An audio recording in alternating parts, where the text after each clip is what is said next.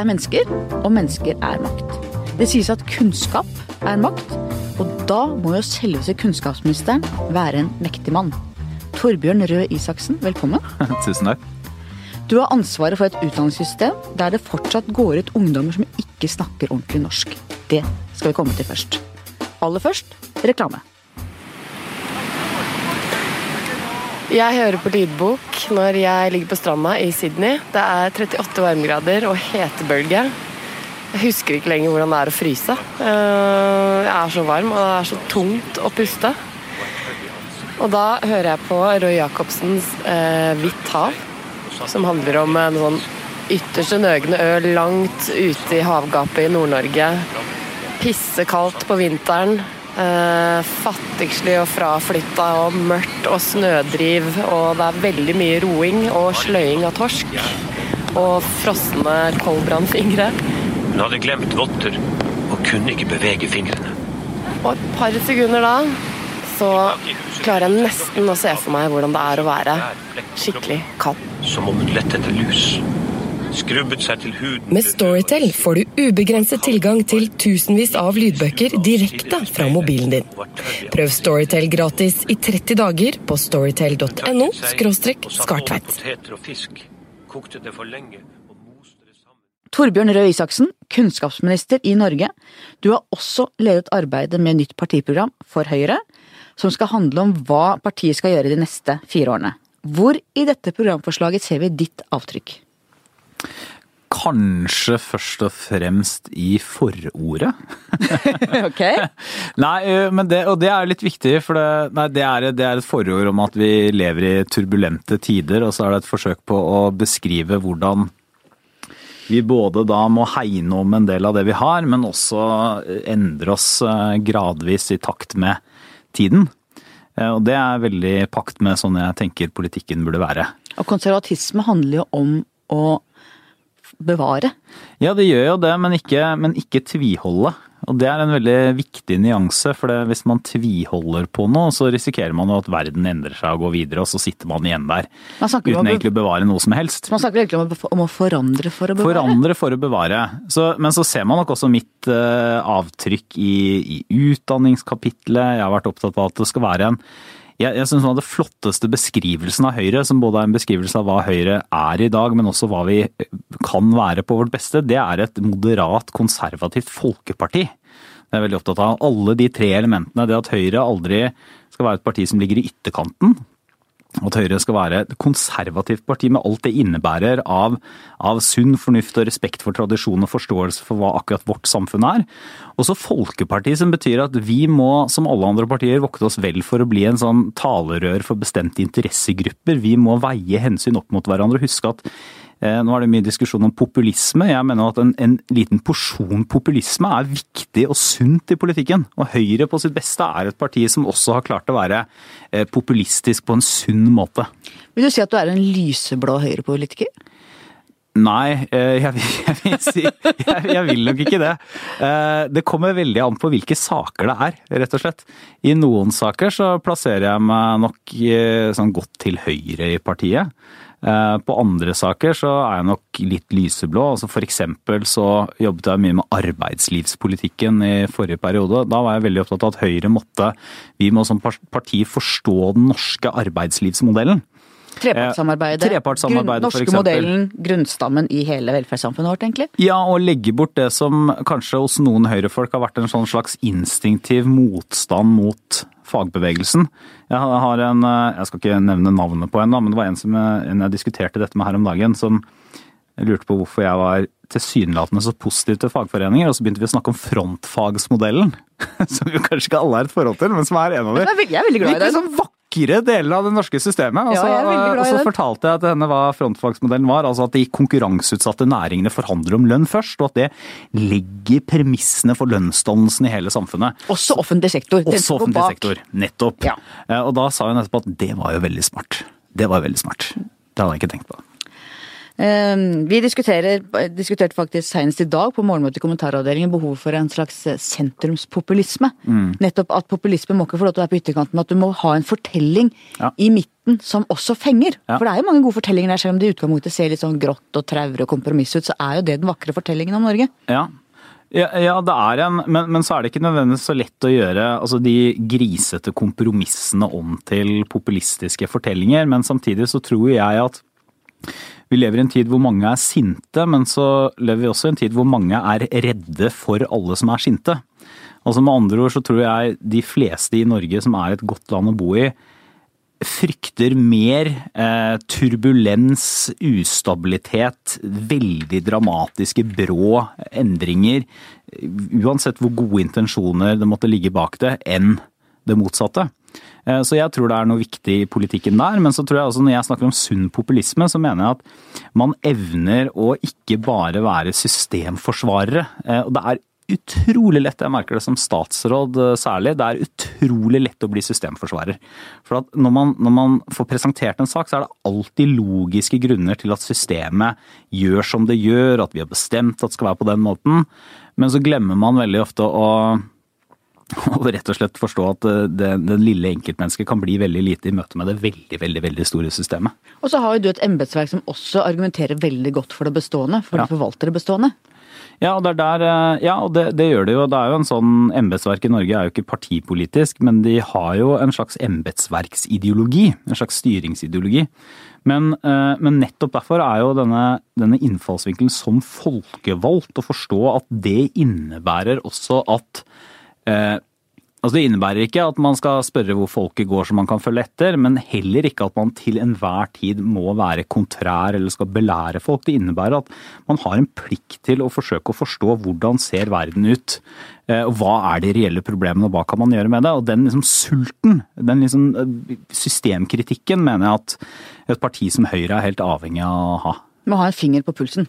Man må ha en finger på pulsen, og så må, man, eh, og så må vi som parti huske på hva det er som gjør at vi er et uh, folkeparti. Og det er også at Høyre klarer å ta opp i seg en del av de bekymringene og irritasjonene som folk har. Enten det er eh, hull i veien eller lang ventetid på en byggesaksbehandling eller en urimelig skatt eller et skolesystem som ikke er bra nok. Og du snakker om at du er ikke særinteressenes mann. Du er f.eks. ikke så opptatt som enkelte andre i partiet av å senke formuesskatten.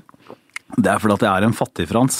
Nei, det er ikke Nei, eh, jeg, altså jeg, men, men, jeg Jeg har vel et mer sånn prag... Altså jeg har et Formuesskatten engasjerer meg mer sånn praktisk enn det engasjerer meg sånn prinsipielt.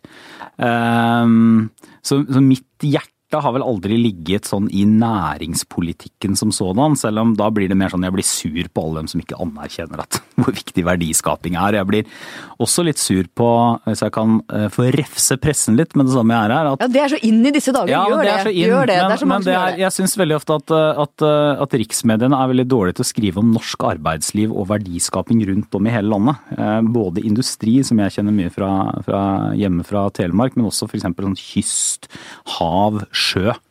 Som er ting som berører folk virkelig i hverdagen. Eh, Tenk så mye vi skriver om norsk kulturliv. Sammenlignet med hvor mye vi skriver om norsk eh, skipsfart eller sjømatnæring eller andre ting. Ok, jeg skal gi deg en. Jeg er enig i det. Ja. Tilbake til Men det var ikke spørsmålet ditt, men det var det. Tilbake til programmet. Ja. Høyre, en sak som jeg er opptatt av, da. Ja. Høyre har fram til nå sagt nei til eggdonasjon. Mm. Nå er det tatt ut av programmet og overlatt til Høyres landsmøte. Men du er fortsatt motstander av eggdonasjon. Forklar hvorfor du er det. Jeg er det, og um, jeg må si at det um, det, er, det, er, det er et vanskelig spørsmål, syns jeg også. Uh, og det er også fordi at i veldig mange andre av disse gen- og bioteknologiske spørsmålene, så, det, så dreier det seg veldig direkte om f.eks. muligheten til å velge vekk eh, fostre med uønskede egenskaper, manipulasjon av selve menneskelivet. Eh, Mens, mens eggdonasjon er en annen type spørsmål. Eh, Men grunnen til at jeg allikevel har havnet på den eh, restriktive siden, det er, eh, er to-tre grunner til det. Det ene er at det er noe genuint annerledes enn sæddonasjon. Eh, Det krever et medisinsk inngrep, blant annet. Eh, Nå kan det være mer eller mindre alvorlig for den enkelte, men like så er det noe annet. Det andre er at eh, det, det, det åpner døren for eh, flere mødreskap. Og da tenker jeg ikke på mor og medmor, det er i dag etablert. Altså du kan ha to foreldre av samme kjønn og sånn, det har jeg kjempet for lenge. Eh, men for flere typer mødre, altså en biologisk og en fødemor. Og det tredje er da en, en sånn bekymring for utglidningen. Eh, vil dette åpne døren for surrogati f.eks., som jeg er veldig, veldig skeptisk til. Særlig kommersiell surrogati. Og så er det jo ikke sikkert vi som samfunn kan Vi kan nok neppe stoppe denne utviklingen fullt og helt. Eh, men jeg er Jeg mener at vi kan og bør bremse den og tenke oss veldig godt om. Og jeg er veldig uenig med dem som prøver å ramme inn dette som en ren likestillingssak. Dette er jeg helt enig med deg. Ja. Jeg er helt enig med deg. Altså, det, det har, jeg. Ja, både dette at man splitter morskapet, at barn ikke kan si 'hvem er mitt moderlige opphav', som ikke handler om sosialmor eller hvem du vokser opp med, men rett og slett du vet alltid hvem faren din er, for det, den sæden kommer ut av, er biologisk og genetisk far. Mens moren din alltid har vært den som har vært biologisk og genetisk mor, altså både egget og livmoren. Og det morskapet er det du splitter nå. Så jeg er også veldig imot, og mitt viktigste argument er nettopp at alle har rett til å kjenne sine røtter og sitt opphav, og det gjør det veldig forvirrende ved å dele det opp i to. Ja, altså, så, så Det gjør det forvirrende. og det er klart eh, Forutsetningen her i Norge vil jo uansett være at man bare har eh, kjent donor.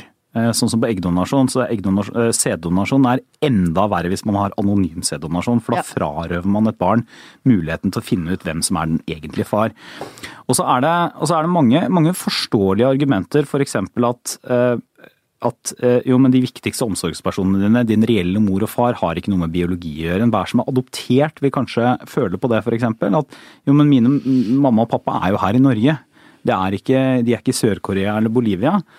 Men samtidig så merker man jo også, og dette er det gjort mye forskning på også, blant f.eks. adopterte, at også blant dem så vil det være et behov for å kjenne sitt biologiske opphav. Og det er en del problemstillinger der som, eh, som man ikke skal kimse av, i hvert fall. Og adopsjon skjer jo av hensyn til barn som trenger omsorg, mens eh, eggdonasjon skjer jo av hensyn til eh, de voksne. Voksne som vil ha barn. Mm. Og det er en Det er en Altså, det er ikke vanskelig å forstå eh, at Altså, dette ønsket om å få barn Jeg, har, jeg hadde lyst til å ha barn fra jeg var eh, Altså, jeg hadde ikke lyst til å ha barn som 20-åring. Jeg er glad jeg ikke fikk det, men jeg har alltid gledet meg til å få barn. eh, Og, og sett veldig frem til det. og Det er ikke noe vanskelig å forstå denne følelsen av hvis man ikke kan gjøre det. Og det er noen vanskelige problemstillinger også, fordi at mange drar til utlandet og gjør det. Og det er helt riktig, det gjør også mange med surrogati, men det er en veldig farlig utvikling hvis vi skal si at alt som er lov i utlandet, det store utlandet, må være lov i Norge. Så kan det godt hende, og jeg tror nok det hvis du hadde spurt meg ikke hva jeg mener, men hva jeg tror, så tror jeg at om eh, 10-15-20 år så er eggdonasjon innenfor gitte rammer tillatt i Norge. Jeg tror nok det er den veien det går, eh, men akkurat her så har jeg valgt å være en bitte liten bremsekloss. Jeg er helt enig, og det som forundrer meg i denne debatten, er at de som eh, sier at, de, at det ikke er viktig med biologiske bånd når det gjelder eggdonasjon, eh, de mener jo samtidig Eller de som ikke sier at det er viktig for barn, at det er biologien og hvem som er det opprinnelige opphav, de er også veldig opptatt av å få egne biologiske barn. Så det biologiske argumentet gjelder veldig den ene sammenhengen, men ikke den andre sammenhengen. Det syns jeg er rart. Et annet verdispørsmål som du har endret syn på, er spørsmålet om aktiv dødshjelp. Men på eggdonasjon har jeg ikke endret syn. Nei. Det har sagt. Nei. Der har jeg ment det samme så lenge jeg har vært engasjert i diskusjonen. Men aktiv dødshjelp, der har du snudd fra en ung liberalistisk kjekkas til en mer klok, Ja. moden mann. Som vel kanskje sier noe om hva du syns om det. ja, og det, det har nok skjedd på det, det, altså Den utviklingen har, har, har vært veldig tydelig for meg på flere områder. At jeg var mye mer Jeg vil ikke si liberal, for jeg er fortsatt liberal på mange viktige områder, men mer liberalistisk da jeg var ung. Og da var egentlig spørsmålet hvorfor skal man ikke ha rett til å avslutte sitt eget liv? Og det er et veldig godt spørsmål. Eh, mens nå har jeg egentlig snudd på problemstillingen, for det, det er jo egentlig ikke spørsmål, Man snakker jo ikke her om det skal være straffbart eller ikke å avslutte sitt eget liv, men det er assistert eh, selvmord eller eh, aktiv dødshjelp det er snakk om. Og Det betyr at samfunnet da gjør lovlig en praksis hvor vi avslutter menneskers liv.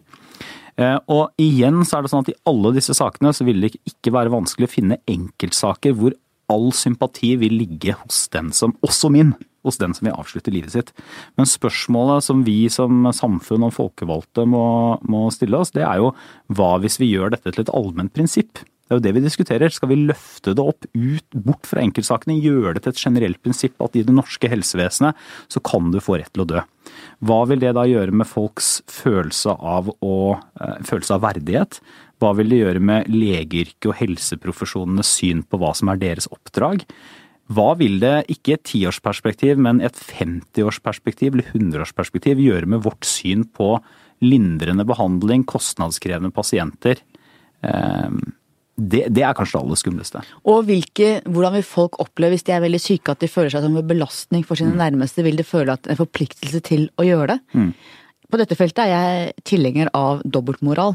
I den forstand jeg mener at det skal være forbudt, men det skal ikke fordømmes. Hvis jeg får en eller annen veldig alvorlig sykdom, og min mann og jeg i all hemmelighet blir enige om at han skal hjelpe meg, så kan det godt hende at han skal gjøre at vi ikke vil sier det til noen, ikke til barna våre, ikke til noen, men at det er en handling som er riktig mellom han og meg, men det skal ikke være noe som samfunnet tillater. Så der må jeg si at der er jeg for dobbeltmoralen. Ja, de sier jo at det er bedre enn ingen moral. Eh, Men, det er jo, men akkurat den dobbeltmoralen er jo eh, Det er ikke Det kan hende ikke nødvendigvis er dobbeltmoral heller, fordi at det man egentlig da argumenterer for, det er jo at det som kan være riktig individ til individ i et forhold, eh, ikke nødvendigvis skal være normen for samfunnet. Og det er en ganske vesens, eh, viktig vesensforskjell. Til Så hyggelig å være her. Vi er enige om alt. Det var en veldig trivelig sending. ja. Det er ikke sikkert det varer. Hvor mener du at skillelinjene går i politikken i dag? Er det fortsatt langs høyre-venstre-aksen som er den viktigste, eller er det andre akser som er viktigere, type by-land? Siden, siden dette er en, uh, en podkast, uh, så kan jeg kanskje da um, ikke svare det mest tabloide, men si at nå har jo vår store samfunnsviter Stein Rokkan fått et visst comeback. For han identifiserte jo noen konfliktlinjer som han mente dominerte i norsk politikk, og én av dem var den tradisjonelle økonomiske høyre-venstre-aksen, en annen var nettopp by-land. Eh, Og det er, det er ikke noe nytt i norsk politikk. Den har alltid vært der. Eh, Og det har vært forskjellige partier som har nytt godt av det til forskjellige tider. Vi må tilbake til 1814 og Vi må tilbake til 1814 og bondeopposisjonen og embetsmannsstaten og sånn. Men du kan også se f.eks. i, i den norske høyrebølgen på 70- og 80-tallet, så fikk Høyre betydelig oppslutning i, i Distrikts-Norge. Bunadshøyre, ikke sant? Bunadshøyre, ikke sant. Og takket være eh, nettopp en sånn motstand mot eh, sentralt byråkrati og styring, som jo også deler av liksom, Høyres store styrke på Vestlandet bærer veldig preg av fortsatt. Så jeg mener at det, begge deler er en viktig diskusjon. og Det som er helt åpenbart, det er nok at i vår tid så er det tradisjonelle høyre-venstre-skillet Økonomi har mindre å si for mange enn både akkurat nå er det by og land, men også en del verdi- og kulturspørsmål hvor det er litt vanskeligere å plassere f.eks. Høyre og Arbeiderpartiet. Hva tenker du på da? Noen eksempler på sånne spørsmål? Et, et, et, altså innvandring er kanskje det, det aller mest typiske eksempelet. For det innvandring i dag er jo ikke blitt bare et spørsmål om, altså, om eh, hensiktsmessighet og hvor mange kan vi ta inn og hva tåler økonomien vår og praktisk integrering. Det har også blitt et ganske fundamentalt spørsmål om hva slags type samfunn skal vi være. Eh, hva eh, hva slags samfunnskontrakt eller forståelse ligger til grunn for et høytillitssamfunn som Norge. Og der vil man nok se at det går skillelinjer også internt i f.eks. Høyre og Arbeiderpartiet. Men allikevel så tror jeg at, eh, at, eh, at, eh, at Høyre og Arbeiderpartiet er og fremstår for mange, også for meg, som hovedmotstandere i norsk politikk. Og det er ikke fordi at Arbeiderpartiet er det partiet som ligger lengst unna Høyre. Det er jo Rødt. Eller hvis det er noen partier enda lenger til venstre, så er det dem. Men det er fordi det er i bunn og grunn to helhetsalternativer med to forskjellige utgangspunkt for hva som er god styring og hva som er riktig utvikling for Norge. Og jeg tror at det er viktig at begge de partiene er sterke og er motstandere, en hovedmotstandere, fordi at de utfordrer hverandre, og for som du sier, begge har en helhetlig politikk, i motsetning til de andre partiene. Ja, og det, er, eh, nå er det mange, jeg vet at alle de andre partiene blir veldig sure på det, for de føler jo også at de har en helhetlig politikk. jo, jo. Det er riktig at Frp har jo fått det etter at de kom inn i regjering med Høyre, så har de jo nå en helhetlig politikk. Men, eh, men, men, det, men det, er, det er riktig, men det, men det ser vi jo, det er jo en av de virkelig store trendene i Europa, er jo at de store sentrum-høyre og sentrum-venstre-partiene, særlig de sosialdemokratiske, svekkes. Eh, Og det er en utfordring for demokratiet, også fordi at det fører til mer sånn pulverisert politisk landskap. Og igjen tilbake til mitt poeng om sunn populisme. Altså Hvis man ikke ser på populisme som bare lettvinthete, men som en slags vilje til å være systemkritisk, ta opp i seg det som er følte problemer i vår tid, og reelle problemer i vår tid, så mener jeg at eh, de tradisjonelle store helhetspartiene også må gjøre det. Hvis man bare blir sittende og være sånn administrasjonspartier, så har man utspilt sin rolle. Og vi ser jo at de liberale demokratiene er under press, og populismen i ytterkantene er på fremmarsj, både i USA og i Europa.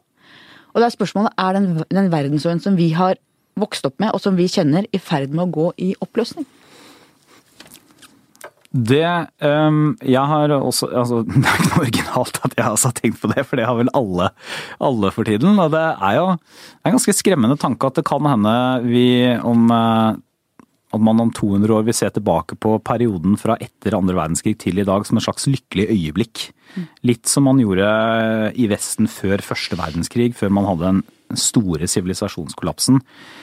Jeg tror nok allikevel at eh, at man skal være veldig varsom og tenke at vi kommer til å leve om igjen historien. Eh, Og de truslene vi ser nå, ikke nødvendigvis kommer til å bety slutten for den liberale orden, men den, den kan bli så pervertert og så eh, annerledes at den blir mye svakere og mye dårligere.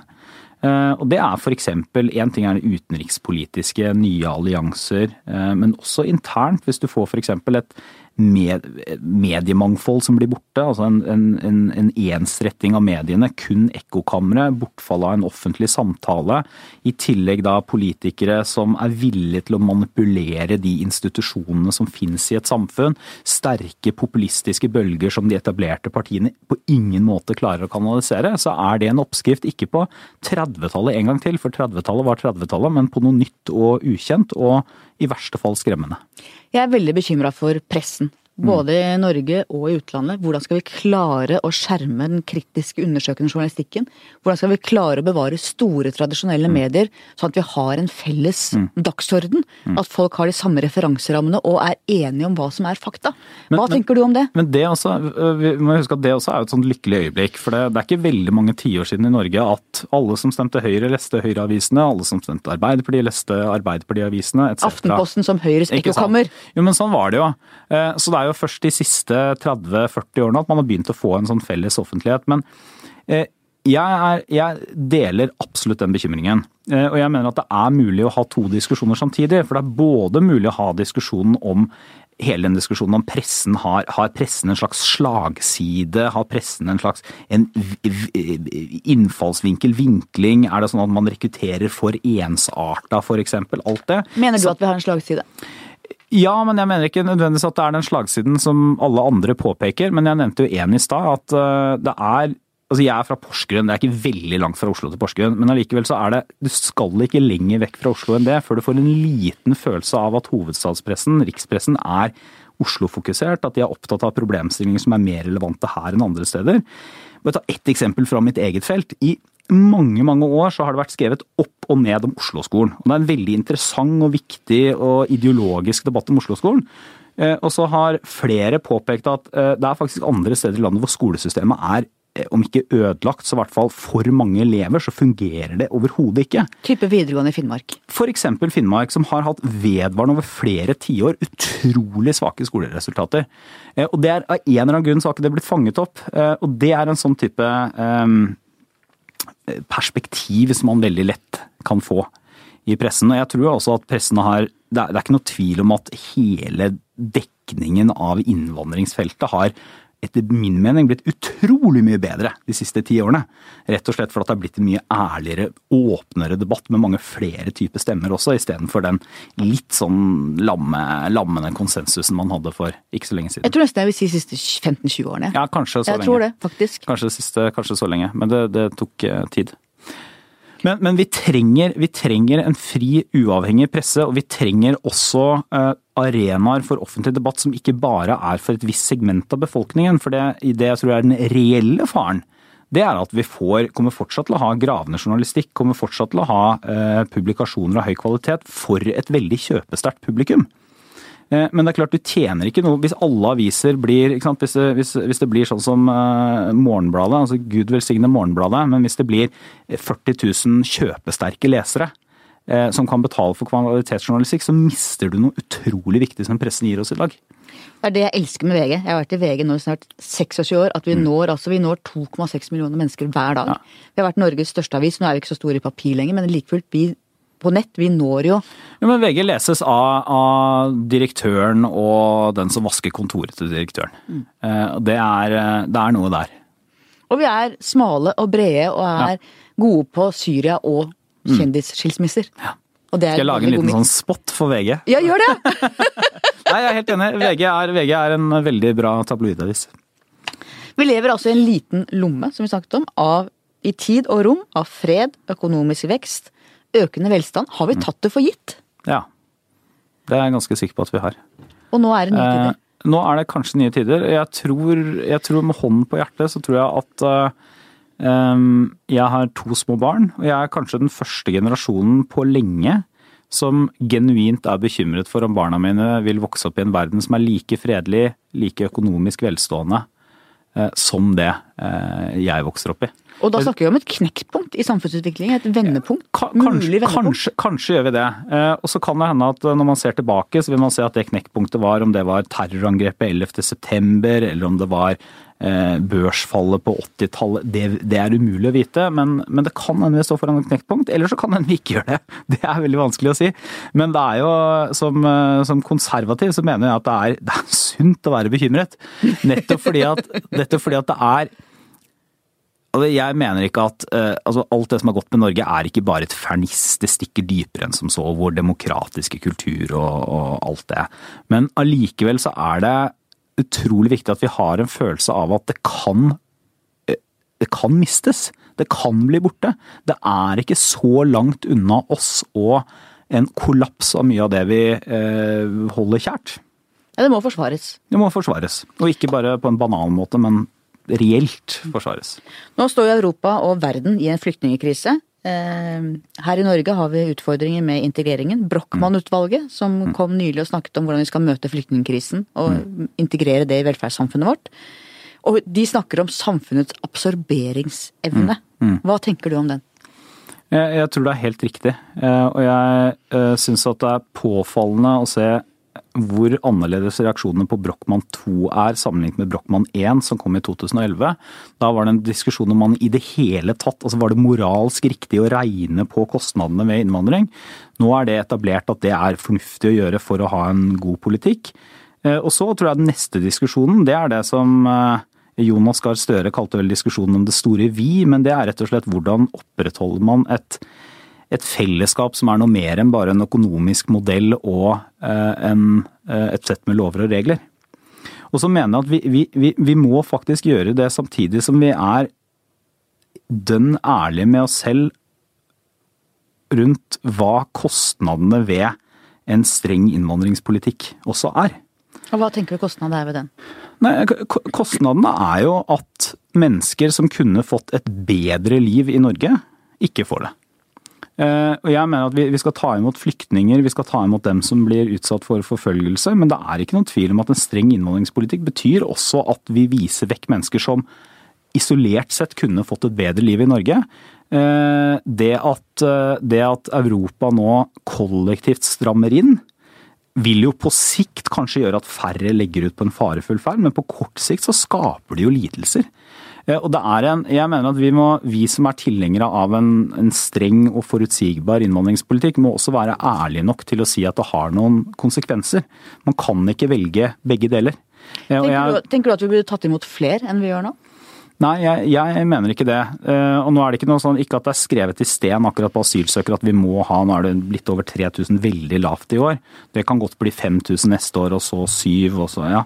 Men, men jeg mener det er viktig at vi har en, har en streng og forutsigbar innvandringspolitikk. Så er jeg litt, eh, så mener jeg flyktningepolitikken må litt mer tilpasses konjunkturene. Altså, det vil si at når det er humanitære katastrofer, så må vi ta imot flere av FNs kvoteflyktninger.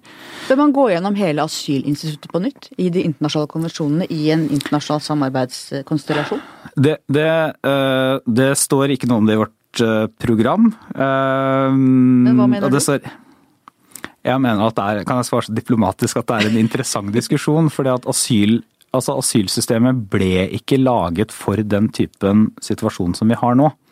Det ble laget som en, som en ventil for de som ble personlig forfulgt i hjemlandet, f.eks. av politiske myndigheter. Eh, mens i dag er jo blitt en av hovedveiene for innvandring til Vesten. Eh, og det er et, det er et Så hva er argumentene mot å gå gjennom det internasjonalt, slik bl.a. UDI-direktør Frode Forfang har tatt til orde for? Nei, Argumentet mot det er at eh, det er internasjonale traktater som er ekstremt vanskelig å, å gjøre noe med. Det er kanskje vanskelig også å finne alternativene. eh, Og ved å rokke ved det, så kan man skape usikkerhet rundt selve asylinstituttet. Altså med andre ord, Man kan skape så stor usikkerhet at vi heller ikke kan ta imot de som faktisk trenger eh, beskyttelse. Jeg tenker nok at jeg syns Frode Forfang hadde veldig gode poenger. At, eh, at det egentlig er helt nødvendig. At hvis man ikke gjør noe med det, så tror jeg at hele asylinstituttet i løpet av få år vil stå i fare. At det, det- i seg selv vil undergrave det, som er et veldig viktig institutt å beskytte. Det kan, det kan godt hende.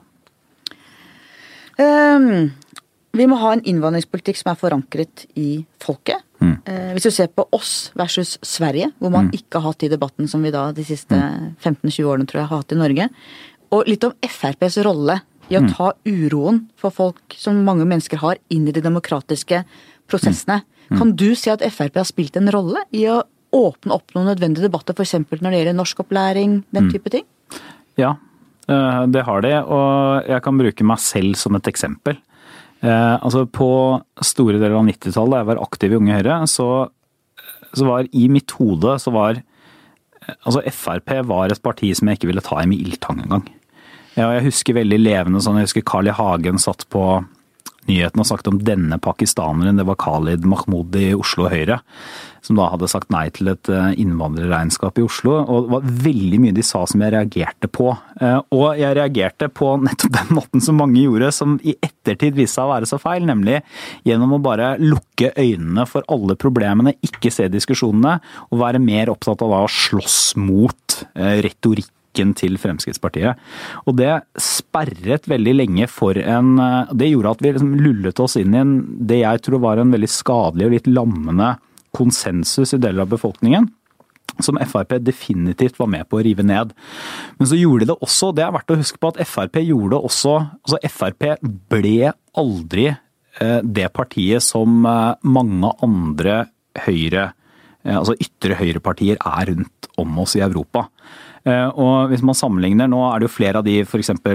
Front National i Frankrike, i ferd med å moderere seg ganske kraftig. Jeg ser Noen er alltid skeptiske til det og sier at dette må vi ikke tro på og sånn. og det er klart En viss skeptisk skal man ha, men det er jo bra at partier modererer seg. Det er bra at de forsøker å komme inn i, i mainstreamen på en måte, så lenge det ikke da bare er en forkledning. Men Frp var aldri det type parti.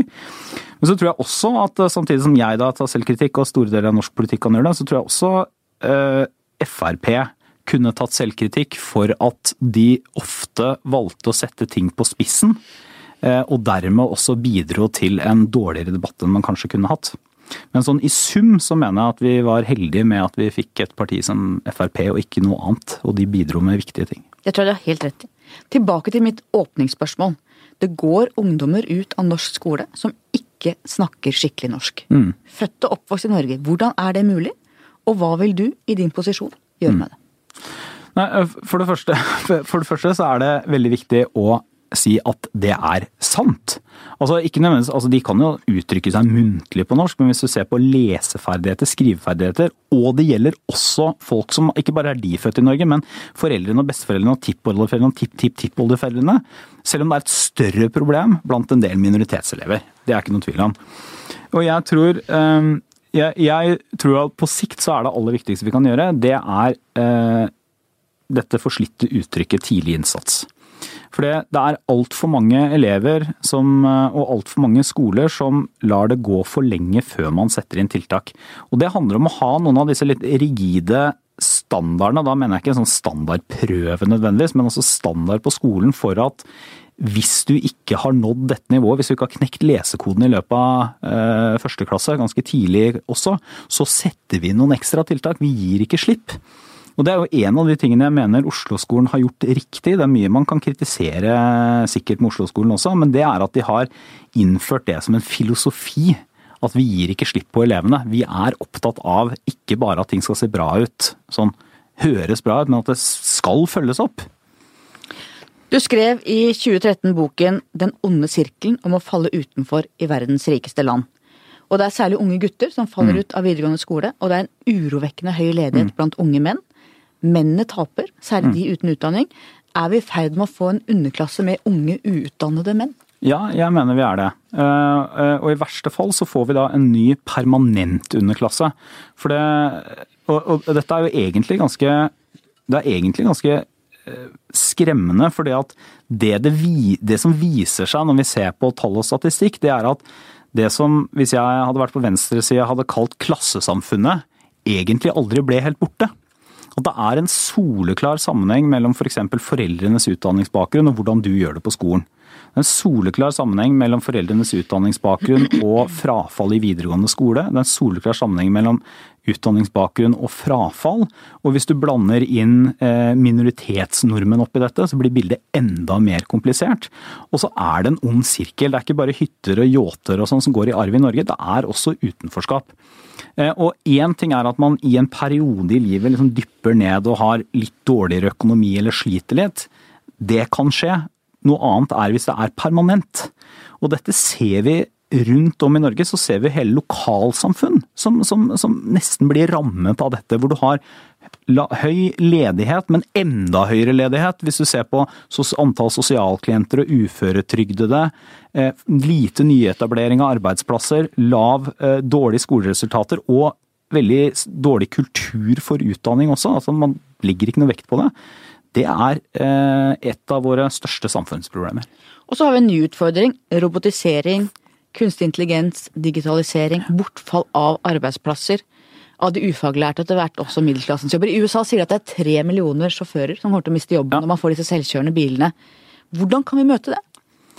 Eh, det, det, det, vi, vi har ingen annen eh, Vi har ikke noe annet svar enn at vi må eh, investere i kunnskap og kompetanse. Men så må vi også være så ærlige og si at det er ikke sikkert at det er et tilstrekkelig svar. Ja, for det er ikke sikkert at Eh. denne nye bølgen skaper nye arbeidsplasser, som de andre Nei, har gjort. nei, nei det, er, det er ikke sikkert det. også. også det, og det som er eh, hvis, hvis, hvis man ikke er så dramatisk, men tar det ett hakk ned, så kan man si at det kan hende at det blir nok av nye arbeidsplasser i andre sektorer, men neppe den type livsvarige arbeidsplasser med fast tilknytning i arbeidslivet, høyt lønnsnivå som du kan med to inntekter forsørge en familie med på en grei måte, og gode muligheter til kompetanseutvikling og alle disse tingene som det gode, seriøse norske arbeidslivet eh, har. Altså at det blir mer eh, service, eh, arbeidsplasser i serviceyrkene som har dårligere betaling, dårligere ordninger, mindre organisasjonsgrad, alle de tingene der. Og det er i verste fall så får du jo da mer av det vi har sett vokse fram i USA, nemlig et veldig todelt arbeidsmarked, hvor noen gjør det bedre og bedre, mens flere og flere havner da i en sånn stagnerende økonomisk utvikling. Tenker du at borgerlønn kan være et svar her? Nei. Ikke heller. Nei.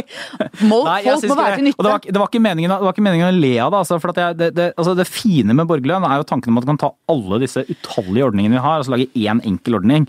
Men jeg mener at vi kan ikke bygge et samfunn på å betale folk for ikke å gjøre noe når de er friske og raske. Det er mener jeg er dypt og inderlig umoralsk. Skal vi bryte ned arbeidsmoralen i samfunnet. Og folk trenger å være til nytte. Folk trenger, Folk trenger å nytte være at de til er til for noe annet enn bare seg selv. Og hvis de ikke er, altså hvis du er frisk og rask, eh, og burde være til nytte og ikke er det, så må du leve med de konsekvensene. Sorry, sånn er det. Du er lærerunge. Ja. Begge foreldrene er lærere. Fortell litt om oppveksten din. Nei, eh, altså jeg vokste opp i, vokste opp i Porsgrunn. Eh, jeg føler at jeg hadde en veldig sånn vanlig oppvekst. Litt Eh, kjedelig, eller? Nei, jeg hadde det kjempefint, men det er noe, det er ikke noe veldig eksotisk og spennende å fortelle om det. Rekkehus, eh, vanlig sånn nybyggernabolag, hva heter det for noe, Forstad i Porsgrunn som ble bygd ut på 70-tallet. To foreldre som var lærere, blanda nabolag. Det er en del, sånne, det er en del ting som jeg som for de fleste i Norge er vanlige, men som, som, som gjør at man ser f.eks. en by som Oslo på en litt annen måte. Altså i, I Porsgrunn er ikke Det er selvfølgelig områder i Porsgrunn hvor det er dyrere å kjøpe bolig enn andre, men det er de fleste områder som går er litt blanda bygging, og så går alle på den samme skolen og sånn. Så det er det var veldig rart for meg for eksempel, da jeg skjønte at Oslo hadde så stor deling i byen eh, som den har. Da var jeg relativt voksen før jeg skjønte det. Og så tok det litt tid før jeg skjønte at selv om lærere er jo ikke lønnsledende i Norge, men eh, både mamma og pappa som er da adjunkt og adjunkt med opprykk, og det er veldig viktig, hadde jo mye bøker hjemme av typisk sånn uh, utdanna lærerfamilie, og hvordan det også har preget meg. Hvordan da? Nei, rett og slett ved at eh, jeg alltid har hatt tilgang til bøker, har blitt oppmuntret til å lese og blitt lest for, og mamma og pappa har vært veldig opptatt av utdannelse. Uh, og de, i hvert fall pappa, kommer ikke fra noen sånn slekt som har Det er ikke noen sånn professorslekt på noen som helst måte. Så da jeg skulle bli leder i Unge Høyre, så var det første spørsmålet mamma og pappa stilte, det var hvordan skal du bli ferdig med utdannelsen din? Det var det som var viktig. Ikke at jeg kunne Karriere i politikken, det var litt sånn, det er ikke noe karriere, det kan du gjøre på hobbybasis. Tilbake til barndommen. Da du gikk i åttende klasse, så skjedde det noe som endret din families liv. Du var i bursdag hos en kamerat, ja. og så sto faren din i døra. Ja, um, det var eh, Nei, det var eh, Mamma fikk hjerteinfarkt, rett og slett. Og det var Hun var, eh, hun var, var vel noen og 50 da, eller noe sånt. Um, og jeg husker at vi kom Det var ikke akkurat sånn pappa sto i døra, men jeg ble ringt opp, og så fikk jeg beskjed om at jeg måtte komme meg hjem, så jeg ble kjørt hjem. Og da husker jeg mamma uh, Mamma var ikke der, pappa sto der veldig bleik, og søstera mi var der.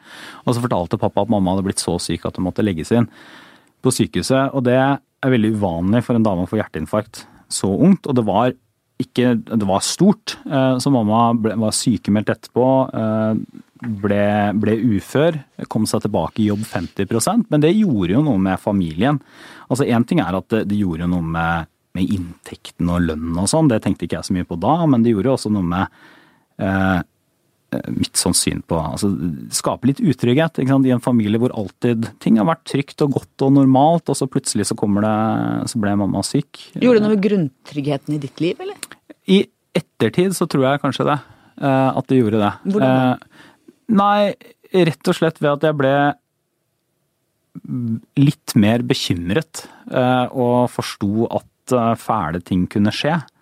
Og nå gikk det jo bra i den betydning at mamma lever fortsatt og har det fint og nå er de pensjonister og hygger seg og sånn, men, men, det gjorde at mamma var hjemme, var ufør halv, halvt ufør da etter hvert, en lang periode, at jeg begynte å tenke på om, ja, hvor lett det er å bli rammet av sykdom, andre ulykker.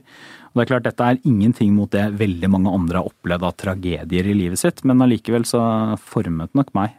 Og du sier etterpå at du uh, har fått helseangst. Og du sier at det er noe annet enn å være hypokonder? Ja, det er, det er den gode legen som jeg snakket med som sier Nei, altså det, dette er eh, Det er nok litt bedre nå enn det var for noen år siden, men, eh, men altså, hypo, hvis du er hypokonder, så er det jo sånn at du ønsker å ha sykdommer for å få oppmerksomhet, sånn som jeg har forstått det.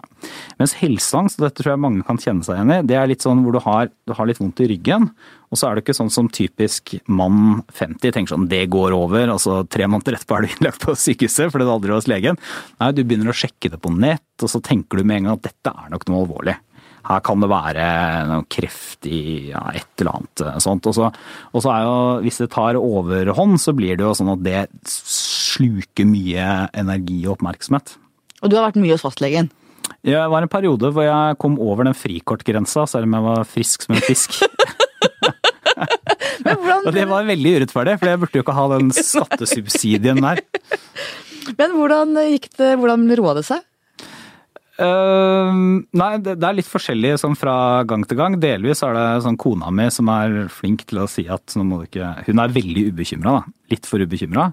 Uh, og så er det noen ganger hvor jeg også har, har liksom fulgt hvor jeg har blitt undersøkt og sånn, og så har det vist seg å ikke være noe. Blir du glad da? Da ble jeg veldig glad. Ja? Jeg er veldig glad. Jeg har hatt uh, Trond Giske her tidligere. Ja. Han forteller at han tenker på døden hver eneste dag. Ja. Hva med deg? Eh, jo, det, det, Jeg gjør nok nesten det. Jeg, jeg, jeg tenker, er ikke det relativt vanlig? At, eh, det betyr ikke at jeg kontemplerer døden sånn en halvtime hver dag, men jeg tenker nok på det nesten hver dag. Og Hva tenker du da? Nei, alt fra Nå tenker jeg mye på familien, hva skal skje med familien, jeg tenker på meg selv, jeg tenker på folk rundt meg. Um, er du redd for døden? Eh, ikke så mye som jeg var før. Mm. Eh, men det er fordi at nå er jeg sikkert i en sånn god mellomperiode i livet. Sånn jeg, er ikke, jeg, var ganske redd for å dø da jeg var ung. Eh, nå er det såpass lenge til jeg skal dø at jeg er ikke veldig bekymra, føles ikke veldig akutt. Eh, og så er, føler jeg meg så voksen at jeg kan ikke gå rundt og være veldig redd for å dø. Eh, men, kan- men også tror jeg faktisk at etter hvert så um, Det er en veldig fin følelse der å føle at, at uh, slekten går videre. Slekt skal at- følge slekterskap. Ja, det er noe, jeg syns det er den vakreste delen av deilige jorden. Ja, det er jeg helt enig i. Det en utrolig, det er en utrolig fin tanke, og det gjør at man, eh, man ser livet sitt i, eh, i et litt annet perspektiv. Nå er det en fortsettelse.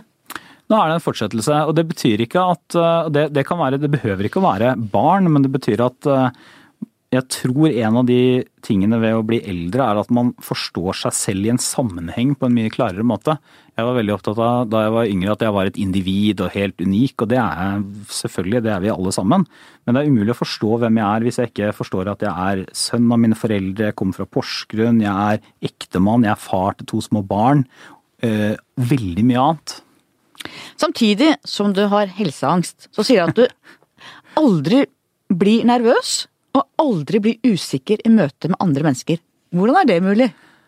Jeg, jeg, jeg tror faktisk det stemmer også, sånn så å si i hvert fall. Um, ja, det, det kommer litt an på hvis noen sa nå skal du ut og danse, så ville jeg blitt veldig nervøs. Men uh, nei, jeg antar vel at uh, jeg syns ikke det er så skummelt å snakke med mennesker. Jeg syns uh, stort sett det er ganske interessant og spennende. Og så sier du at du sjelden gleder deg til noe. Ja, det er også riktig. Kan, Det høres jo litt trist ut. har, nei, men det er ikke noe poeng å glede seg til noe. Det er jo Jo vel! Nei, for da blir man jo bare skuffa. Altså, jeg, kan, jeg kan selvfølgelig se frem til noe sånn i betydning. Altså, jeg, I helgen så skal jeg f.eks. bort sammen med noen kamerater. Selv om jeg har takk til kona mi for å være alene med barna. Eh, Men det er ikke sånn at jeg gleder meg til det. Jeg ser frem til det, at jeg kommer til å ha det kjempefint. Men det er ikke sånn at det går mange uker og tenker på det kommer til å bli så fint, se for meg hvordan det skal bli og sånn. Det virker jo det er bortkasta energi. Gleder du deg i øyeblikket? Ja, ganske. Ganske! Men det er jo Jo, jeg, jo men jeg er relativt Jeg er ganske Du er en glad fornøyd. fyr. Ja, jeg er en glad fyr. Altså, jeg også mener det. Men jeg sa til kona mi en gang at jeg, er jo en ganske glad fyr, og så begynte hun bare å le. For hun mente at jeg egentlig er en ganske sånn, sur fyr. Nei, Eller i hvert fall ikke uttrykker glede og smiler lite og sånn. Men øhm, det kan hende bare er hjemme. For ti år siden så ble du kåret til Norges største politiske talent av VG. Var det en tung bør inn i det voksne politikerlivet? Nei, det var nok ikke det. Men eh, det som er bra, er at det gikk jo eh, Jeg har jo eh, Den som var på andreplass her, var jo Trond Birkedal, tidligere leder i FPU. Og han fikk jo et ganske trist sorti ut fra politikken, så jeg føler at jeg har klart meg bedre Ja. enn mange andre på den listen, da, for det har ikke vært noen skandaler, i hvert fall foreløpig. Men nei, det som kanskje er litt Det er, litt sånn stakkars lille rike pike, altså. Men, men det er jo et eller annet med det man, hvis man er et såkalt ungt talent, så blir man jo på et eller annet punkt eh, voksen og etablert og litt kjedelig. Og det har jeg nok følt litt på, særlig da jeg ble statsråd. Så var det veldig mange som hadde forventninger om at nå skulle eh, skulle jeg komme inn og skulle være veldig friskt pust, det skulle skje utrolig mye på skole og høyere utdanning, og alt skulle bli helt annerledes.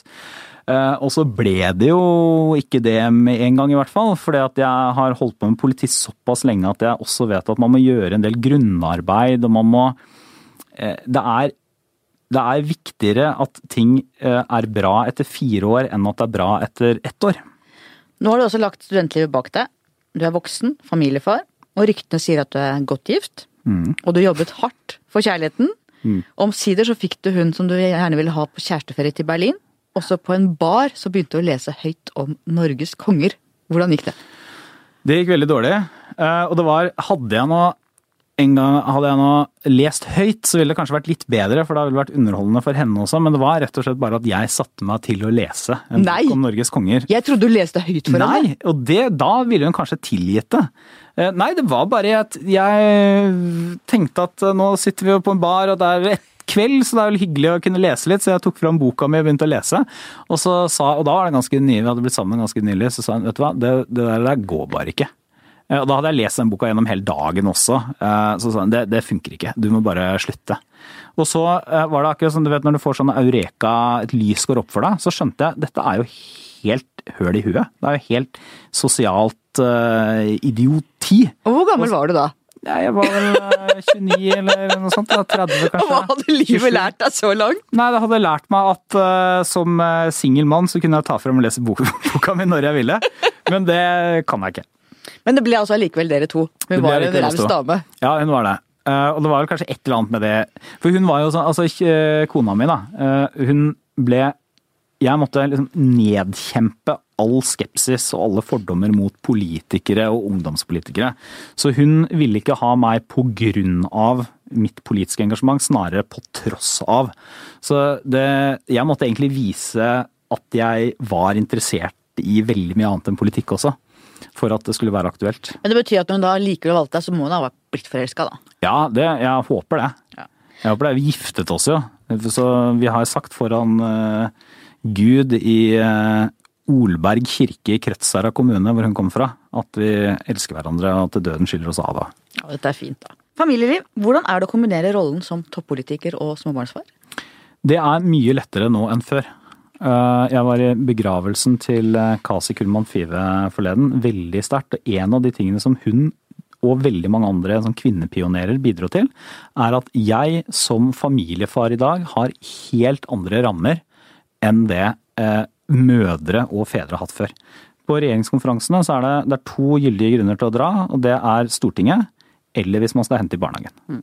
Du har sagt at Erna Solberg er en veldig tydelig sjef. Ja. Hva mener du med det? Nei, hun er en, det mener jeg at hun er en veldig tydelig sjef. Det er- Streng, eller? Jo, men hun har en veldig god egenskap eh, som hun har fått. Hun har også, jeg har jo sittet i ledelsen i Høyre i ganske mange år. og Hun har jo også blitt en utrolig mye altså En enda bedre leder med årene. Hun har veldig lave skuldre.